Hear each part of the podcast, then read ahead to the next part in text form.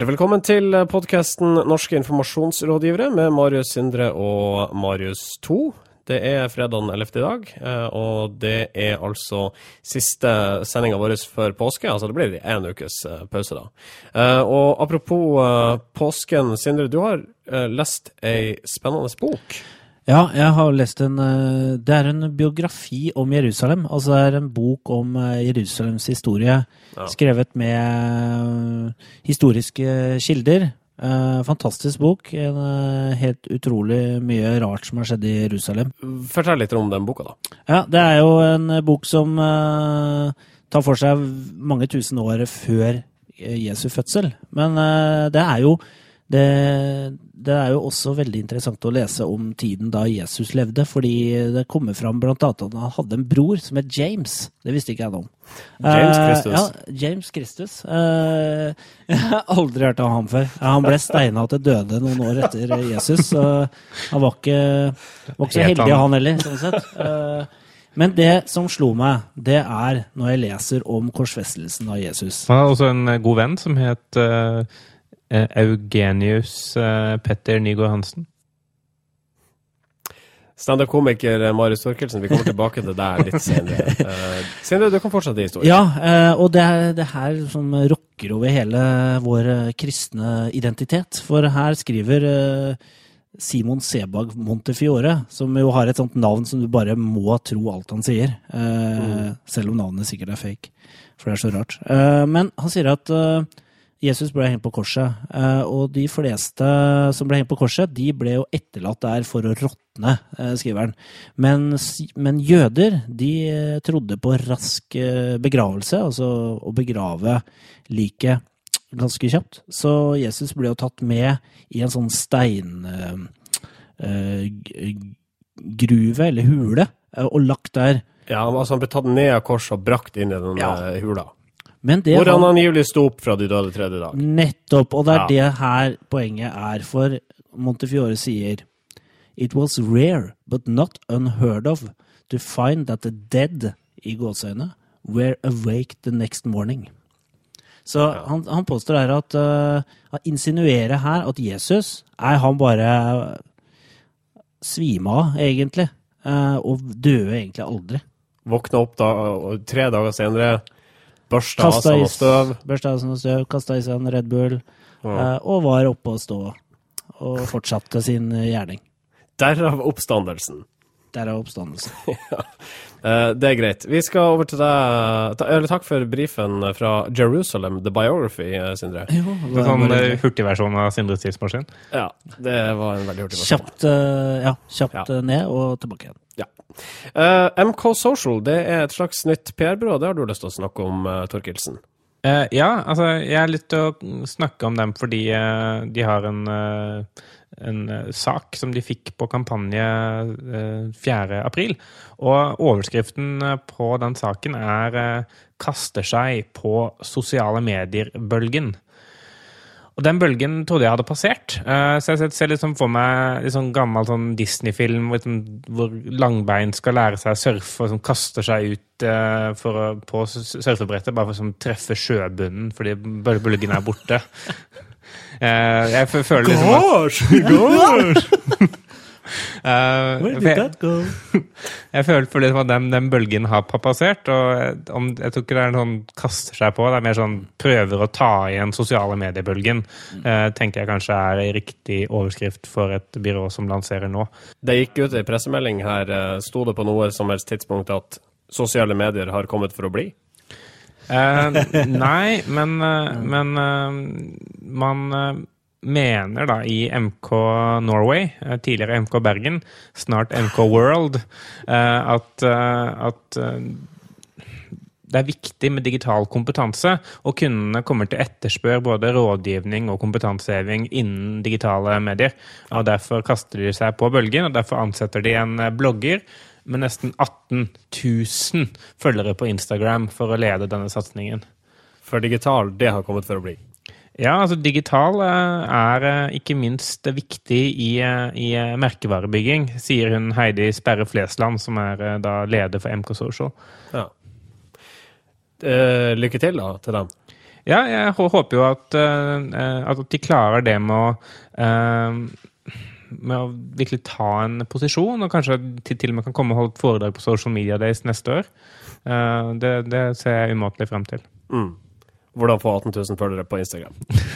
hvordan få 18 000 følgere på Instagram, og hvordan bruke de 18 000 følgerne til å få en jobb. ja. All right. Um, det var et par historier der fra virkeligheten. Uh, og noen uh, med litt essens fra tilbake i tid. Da skal vi kjøre i gang. Um, dette her er NIR episode 67. Norske informasjonsrådgivere. Ingen frampek i dag, vi går rett på. Og vi skal snakke om nettportaler. Jeg tenker på disse nettstedene som var svære før. Sol.no, ABC startsiden.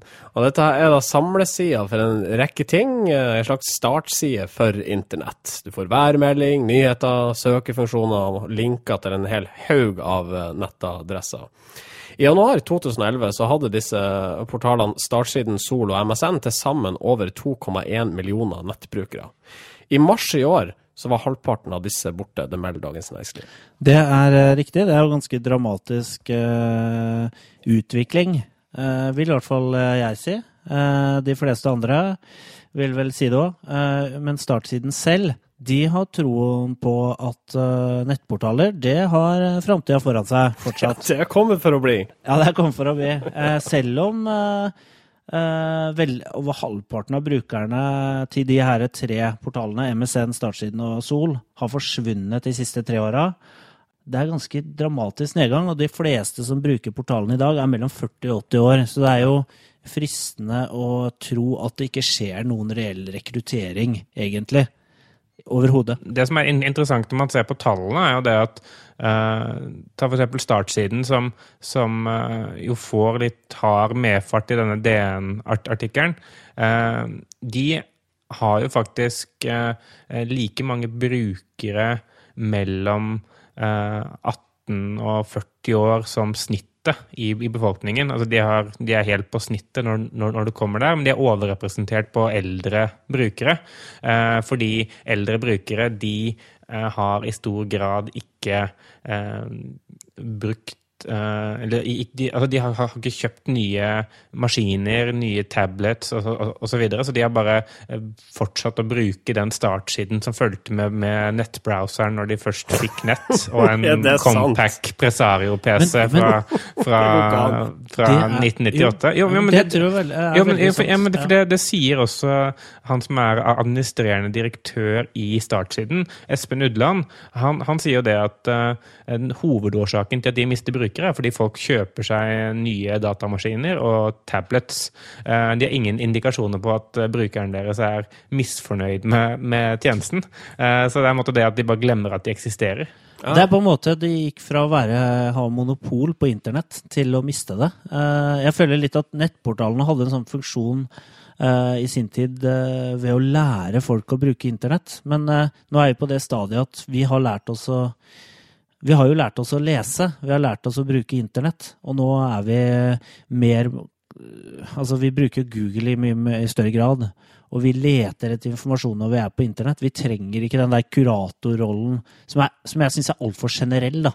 Uh, hos de her portalene. Jeg, jeg, jeg, jeg, tror på det at hvis, hvis eh, disse nettsidene skal overleve, uh, så er man nødt til å være bedre enn Google på, på, relevans. fordi Eh, fortsatt så er, så er, det litt sånn hvis man søker etter noe på Google, spesielt hvis det er måte tjenester, hvis man skal ha en elektriker osv., så, videre, så finner man i tillegg til måte, det å finne elektrikere, så finner man også mye annet stoff.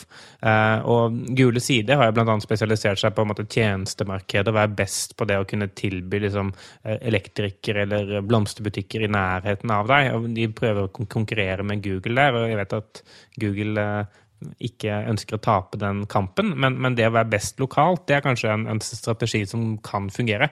Eh, men, hvis man i det hele tatt skal ha et håp om å overleve de neste si, fem årene. Da. Men si nå startsiden, eksempel. Altså, dette her er, med unntak at de har en nyhetsfeed fra ABC Nyheter, som da er et, eh, en del av dette konsernet her, ganske statisk nettside. Uh, du kan aldri gjennom en slik uh, side gardere deg for alt det folk måtte være interessert i når de setter seg ned i Google.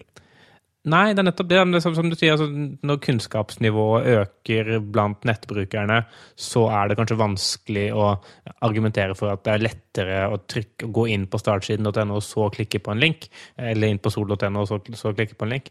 Uh, men, men, inntil videre så har, har det jo fortsatt uh, enormt mange brukere, og er jo fortsatt blant Norges aller største nettsteder. Så det er jo åpenbart mange som benytter dem. Uh, bare at det er, en, det er en negativ tendens, da. Men om 20 år? Om uh, 20 år, så Da er de eldste brukerne 100 år. Ja. ja. Om 20 år er vel også Facebook eh, på skraphaugen. Eh, så det kan jo hende jeg finner et lite smutthull her og sier ja, nå skal nok portalene revitaliseres. Ny vår for portalene! Ring, ring presten, få ut en melding fort! Startsiden, ny vår! ja, jeg ser det for meg. Men uh, enn så lenge så lever altså disse sidene uh, her uh, godt. For meg så virker det en smule fascinerende. Men det er rett og slett fordi at folk ikke bytter ut PC-ene sine. At startsiden ABC Nyheter og MSN lever videre. Det, det er litt som banker. Altså Selv om banken gir den eh, mest råtne renta og dårlig service, så gidder du liksom ikke å bytte før du må selge huset. Tommel opp eller tommel ned for eh, startportalene, eller uh, nettportalene? Jeg er litt likegyldig, jeg, merker jeg. Jeg, må bare erkjenne at vi leverer, lever i liksom to forskjellige verdener. Vi, Ja. De som eh, bruker startside, og jeg som ikke gjør det. Ja. Eh, Så jeg tommel opp for at det er et, eh, et mangfold der ute, kan vi si. Norske informasjonsrådgivere. Vi skal til verdens største søkemotor, Google, som nå driver med andre ting i tillegg til søkene sine, deriblant disse Google Glasses. Og det varemerket eier de allerede rettighetene til, altså Google Glasses. Uh, og nå ønsker de i tillegg å varemerkeregistrere begrepet glass, altså ordet glass. Wall Street Journal melder at de amerikanske patentmyndighetene mener ordet er for likt allerede registrerte varemerker med samme ord i seg, og at uh, man derfor kunne forvirre forbrukerne. Så de sa nei. Eh, dessuten er ordet for generisk, skriver eh, Wall Street Journal. Ja, eh, Google er jo nå lystne på å sørge for at ingen andre skal bli den virkelig store pioneren innenfor wearable tech. Eller hva, hva var det vi kom fram til at det skulle hete? eh, tech Klær tekstiler, Tek tekstiler, eh, ja. det- Eh, ja, tekstiler.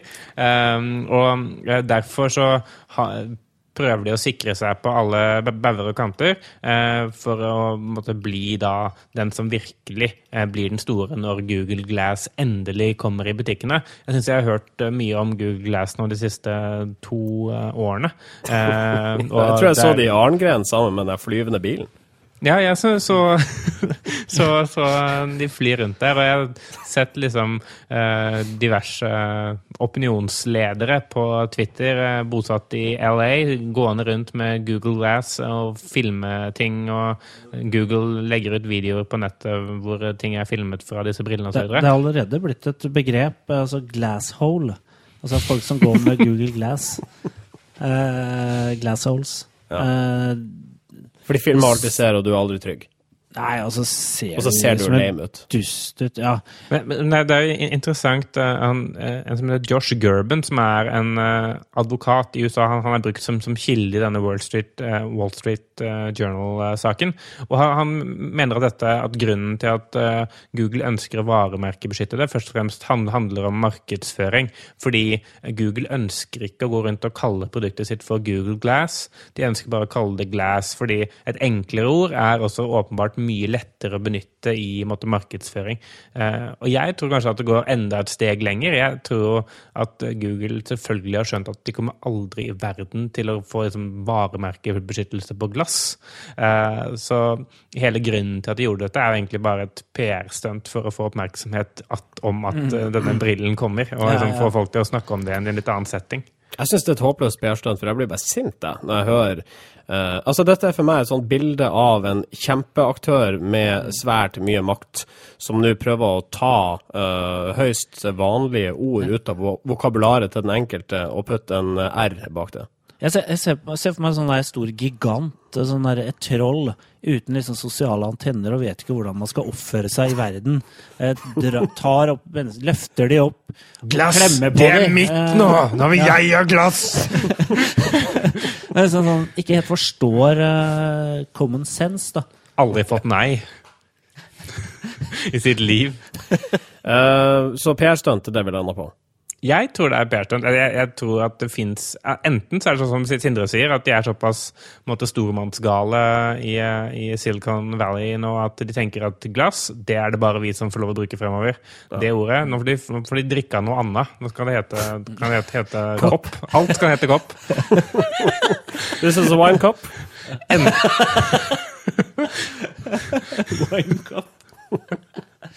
Enten, Ok, det, ja, men det er enten det, eller så er det bare et, eh, et eh, PR-stunt.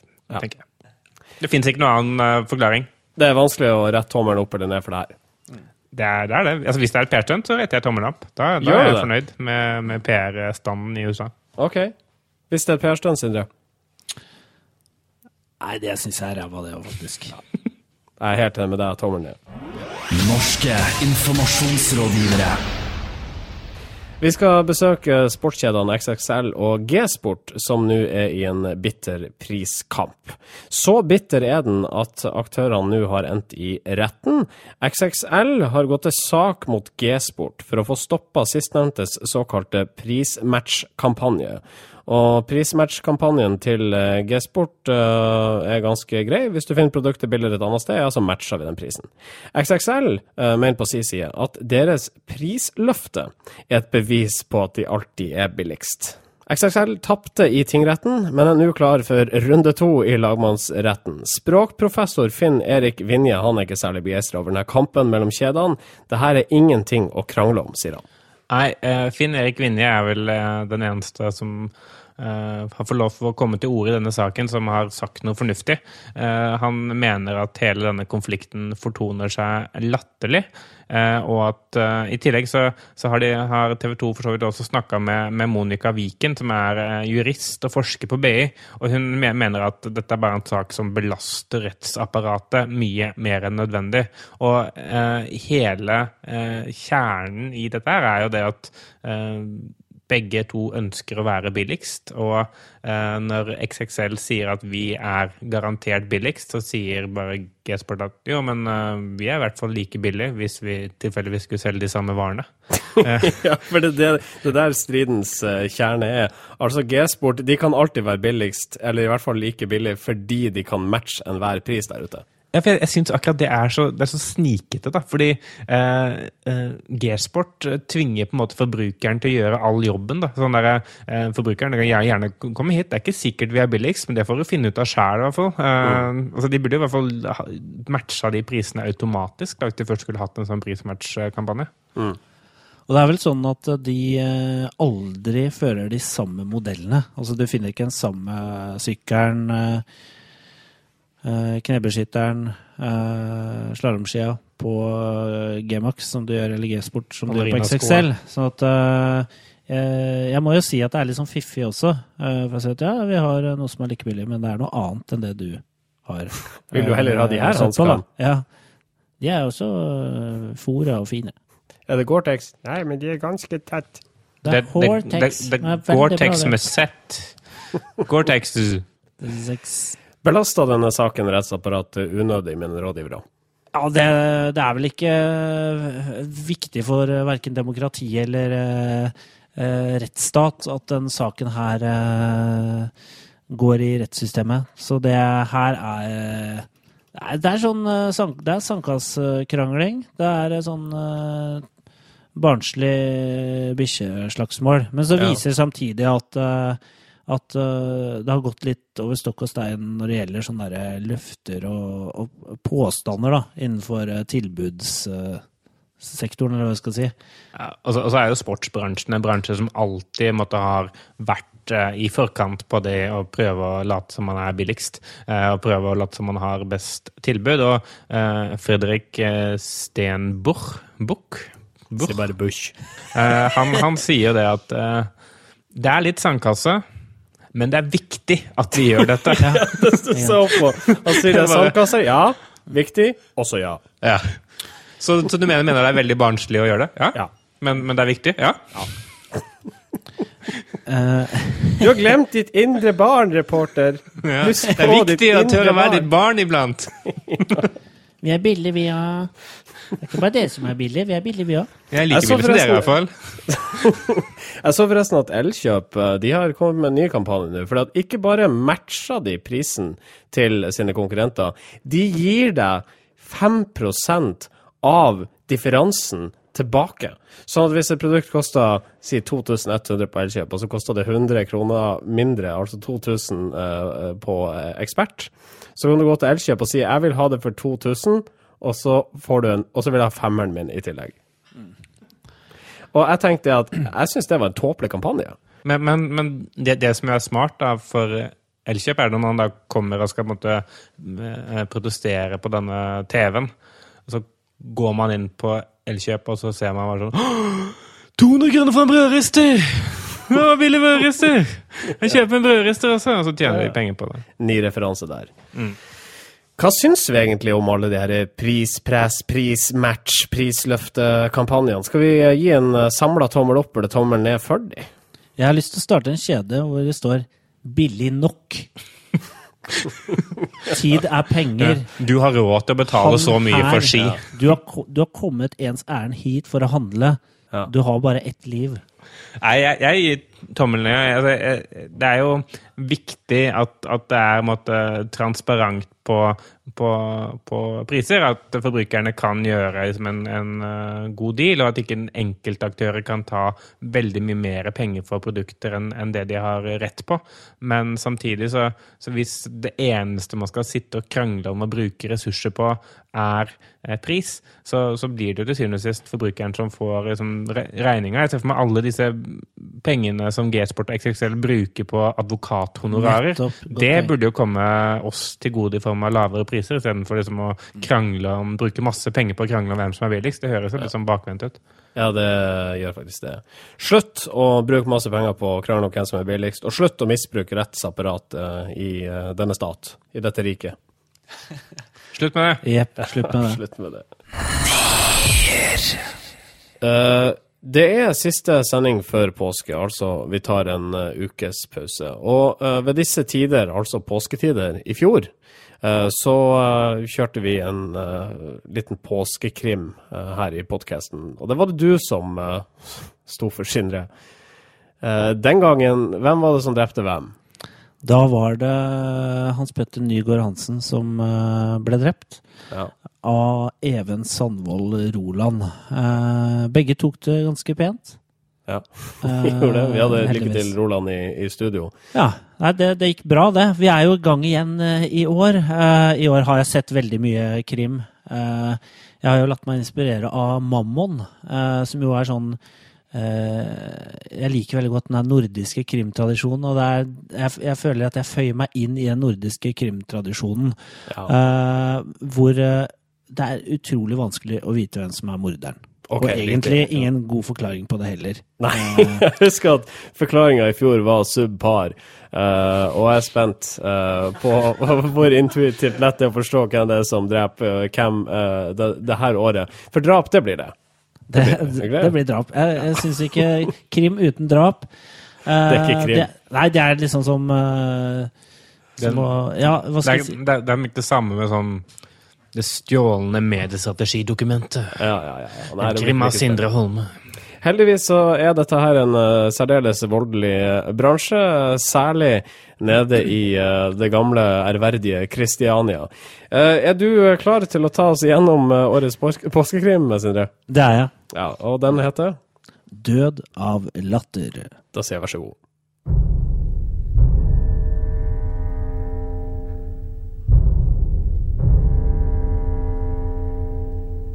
Ole Christian Apeland kneppet den siste knappen i skjorta og knøt en dobbel Windsor.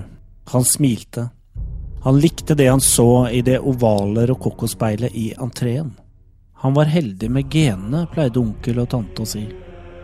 Sjarmen og det kløktige hodet hans hadde saktens ført ham helt til topps i et av Norges mest renommerte kommunikasjonsbyråer, Apeland Informasjon.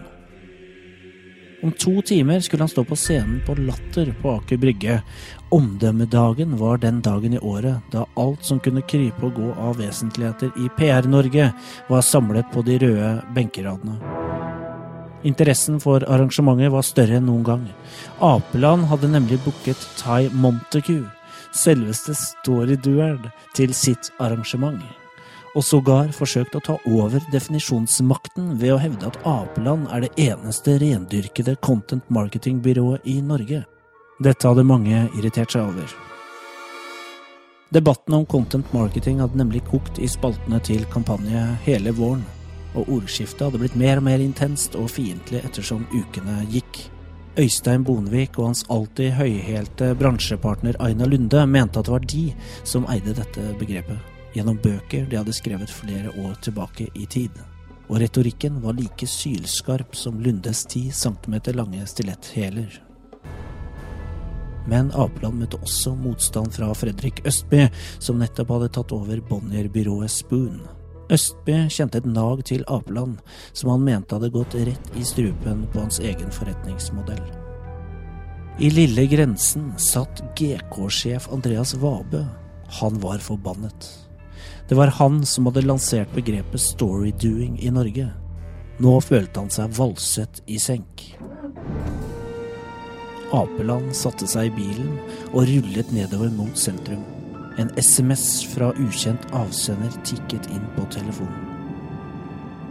I dag skal du få som fortjent, kunne han lese. Han tok det som et klapp på skulderen.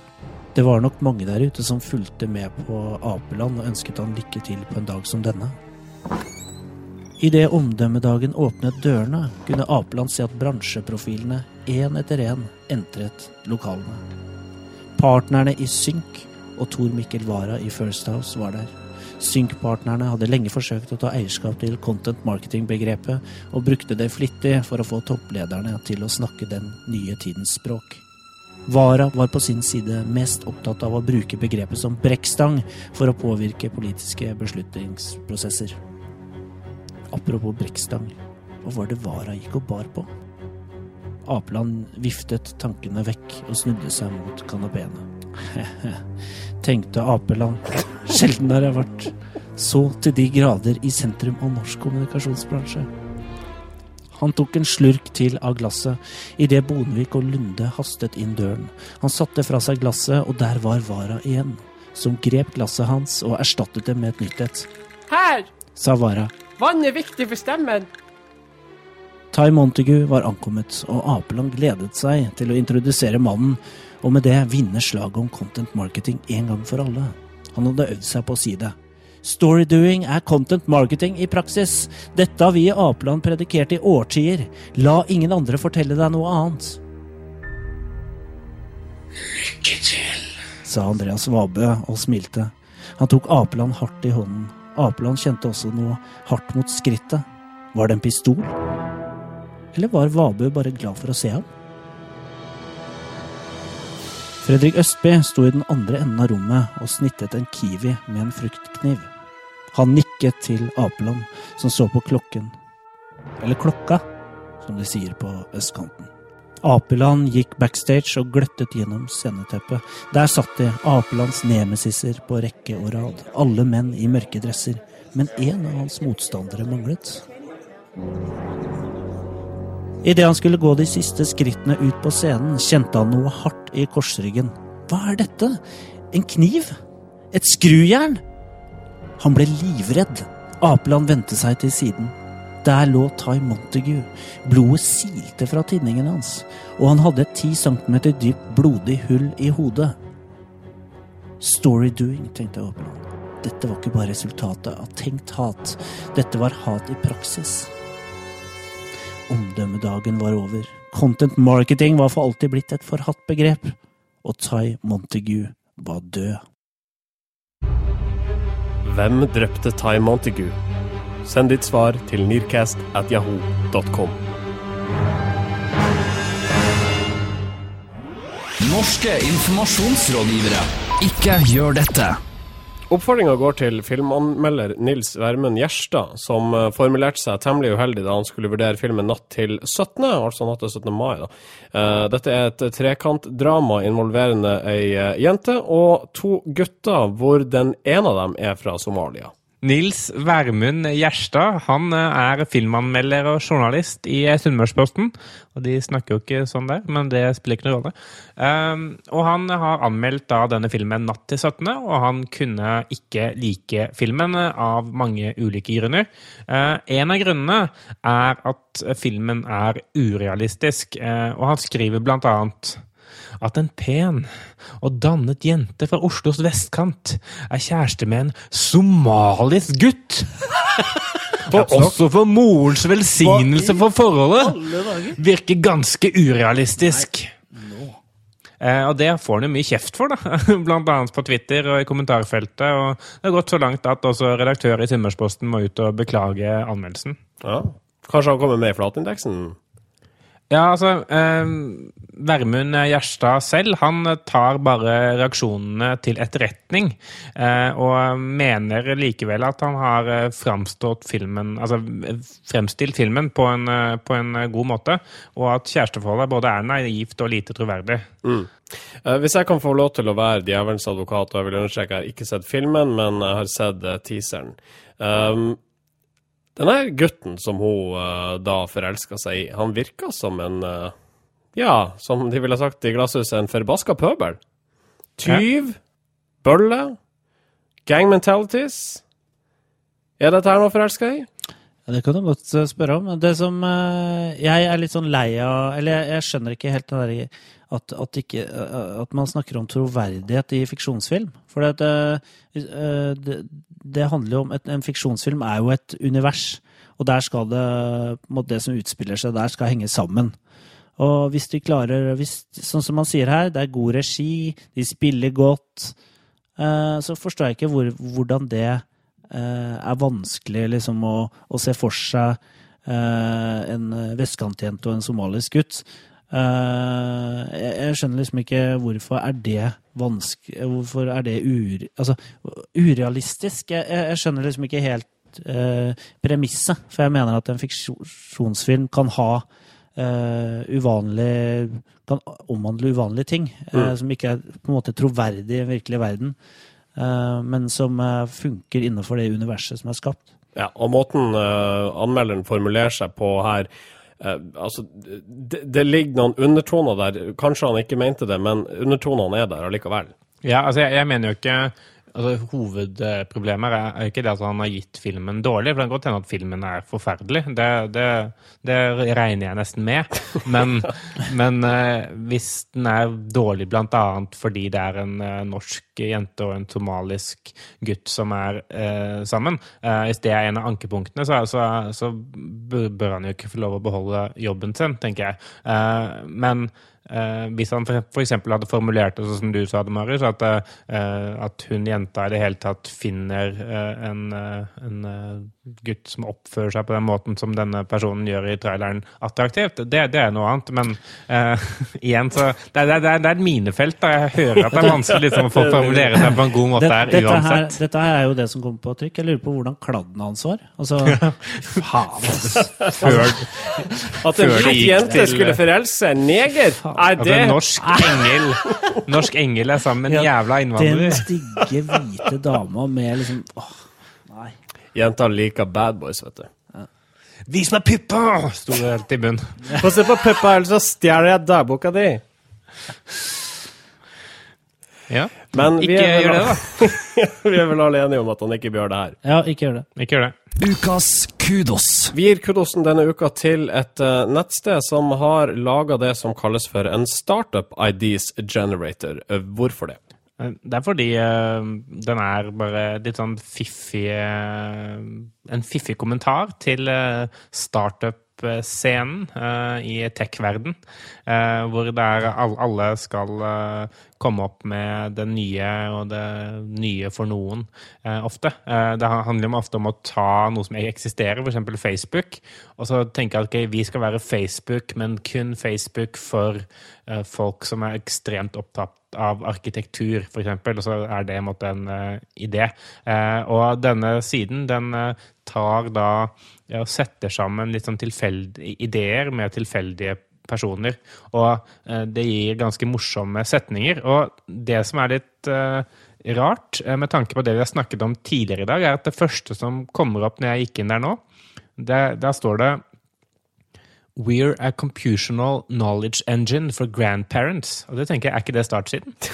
We're special sunglasses for choreograph choreographers. Fy faen. La meg slippe å snakke. Diksjon der en gang til. Ja. Vet du, Choreographers. Det er kanskje vanskelig store på engelsk. Choreographers. Choreographers. Choreographers. We're spe special sunglasses for choreographers. Haja altså, dette her eh, minner på veldig mange måter om uh, den norske Svada-generatoren. Altså uh, setninga 'where', så kommer det et, et eller annet. 'For' et eller annet. Så du får resultater som We're Netflix for playwrights. We're Pinterest for actors. We're Snapchat for biochemists. Ja. Jeg, jeg, har vært i, på Sapa i Southwest i Austin uh, noen år, og der er jo veldig mange sånne folk som det der. Uh, som, uh, er det Norge, verdens største internettkonferanse? Ja. og, de, og der, ikke sant? Vi er jo lært opp her hjemme til, til den derre elevator pitchen. at du har så og så mange sekunder på på å pitche din idé, eller hva, hva, for noe smart du har å komme med.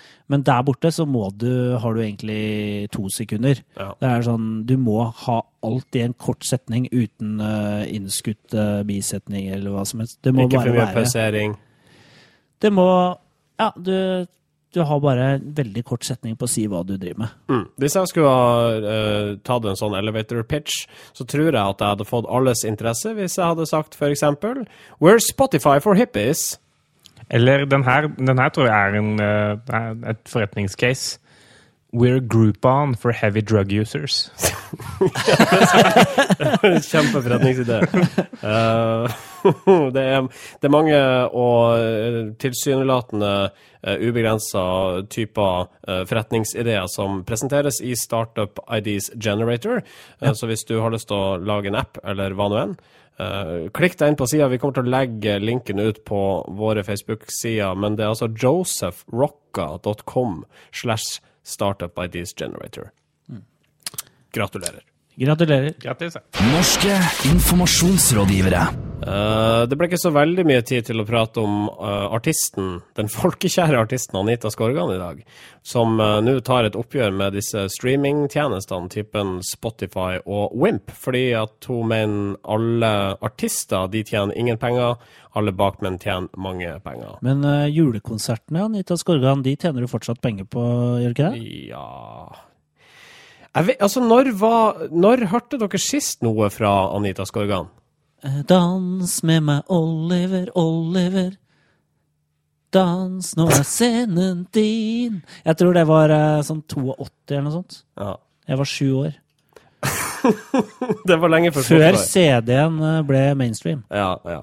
Til var du ikke med på sånn hver gang vi møtes eller noe sånt? Ja, jeg er litt usikker. Uh, jeg, ikke, jeg, har ikke sett så mye hver gang vi møtes. Men til Dagbladet så sier Skorgan da at vi er sjokkert, og vi blør nesten alle mann. Uh, når selskapene har fått dekka sine utgifter og medeierne i Spotify har tatt utbytte, så får artistene smulene, om det da er noe smuler til overs. Ja, og uh, jeg ser for meg den dagen liksom, noen kom, kom, inn og fortalte Anita Skorgan om Spotify, så, så, var det sikkert hun satt litt sånn og spilte på den Oliver-sangen, og så kom noen inn sånn Du, musikken din er på internett, Anita? Inter... Internett? Internett. Internett? Altså, og så viser de henne Spotify, da, og så viser de at all musikken der er gratis. Og så tenker hun Ah, Det forklarer en hel del på hvorfor jeg ikke er så populær lenger. Alle hører bare musikken min Hvor der. lenge har dette internettet eksistert? Har det eksistert i 30 år? Det var gøy. Anita Skorgan tar et, tar et oppgjør med internett. Det er ikke rart jeg ikke selger CD-er lenger. Men eh, problemet er vel kanskje ikke for Anita Skorgan det at eh, det er lite penger i Spotify. Problemet er vel det at det eh, begynner å bli ganske lite penger å lage upopulær musikk. Det er lite penger i Anita Ja. Skorgan. Det, det, ja, det er vel kanskje det eh, mest Hun ga jo ut eh, skive i 2013, faktisk. Ja. Skiva White Magic Ja, med hiten A to Z. ja vel. Og- Var det en hit? A to Z. A to Z. EFG. EFG, HIJ, HIJ. Kellerman og PQRSTU. I'm Anita Interscorgan and I'm coming to you. A to C. D-E-F. Sånn var det den gikk. Ja, dessverre, det ble ikke noe stor internasjonal hit. Og det er synd i Anita Skorga. Setter seg på hjernen nå. Blir ikke kvitt den. Blir ikke kvitt den. blir ikke det. Men OK. eh, Spotify kommer for å bli. Eh, Anita Skorgan jeg har vært. altså, det er den letteste måten å si det på. det er greit. Ja, jeg er enig i det. Du finner Anita Skarran på sol.no. Ja. Gjør det å ligge øverst til venstre sammen med Dagbladet. Mm. Se den elleville videoen til A2C. Du finner, Anita, du finner Anita med bakvendt caps. Du finner Anita Skorgan foran en eh, Pentium 133 eh, på startsiden.no. Ja. Eh, Og du finner oss på facebook.com eh, slash nearcast. Du finner oss på, du kan, du finner oss på soundcloud.com slash eh, Nearcast. Ja. Du finner oss på uh, Twitter Ja. hvis du søker på hashtaggen Nearcast. Eller hvis du søker på Sindre Holme, f.eks. Eller Marius Thorkildsen. Eller Marius Staulen. ja, det kan du Marius gjøre. Ja. Um, og så husk å sende inn uh, svar på uh, vår uh, påskekrim som Sindre Holme har uh, surra i hop. Og den mailen den kan du sende til nearcast.jahu.com. Og da har ikke vi flere kanaler vi er på. Vi er ikke på, på Tinder. Tinder? Nei. Nei, vi er ikke på Tinder. Nei. Ja. er- Vi var der, og så ble vi sammen med Sparebank igjen, så det var ikke noe poeng å være der lenger. det var ikke det fast forhold nå. Uh, og vi er heller ikke på Instaface, uh, Instagram. Og uh, derfor er det bare for oss å si eh, god påske, og det gjør vi på det vante vis. Mitt navn er Marius Stølen. Mitt navn er Marius Sindre. Nei, vi jeg, kanskje, vi skal, kanskje vi bare dropper den måten å si si ha det på Ja. den gangen. Da kan vi, kan vi bare ta I saw mommy kissing Easter bunny. Det kan bare slutte sånn. Ja, det hadde vært tåpelig om det hadde skjedd. Norske informasjonsrådgivere.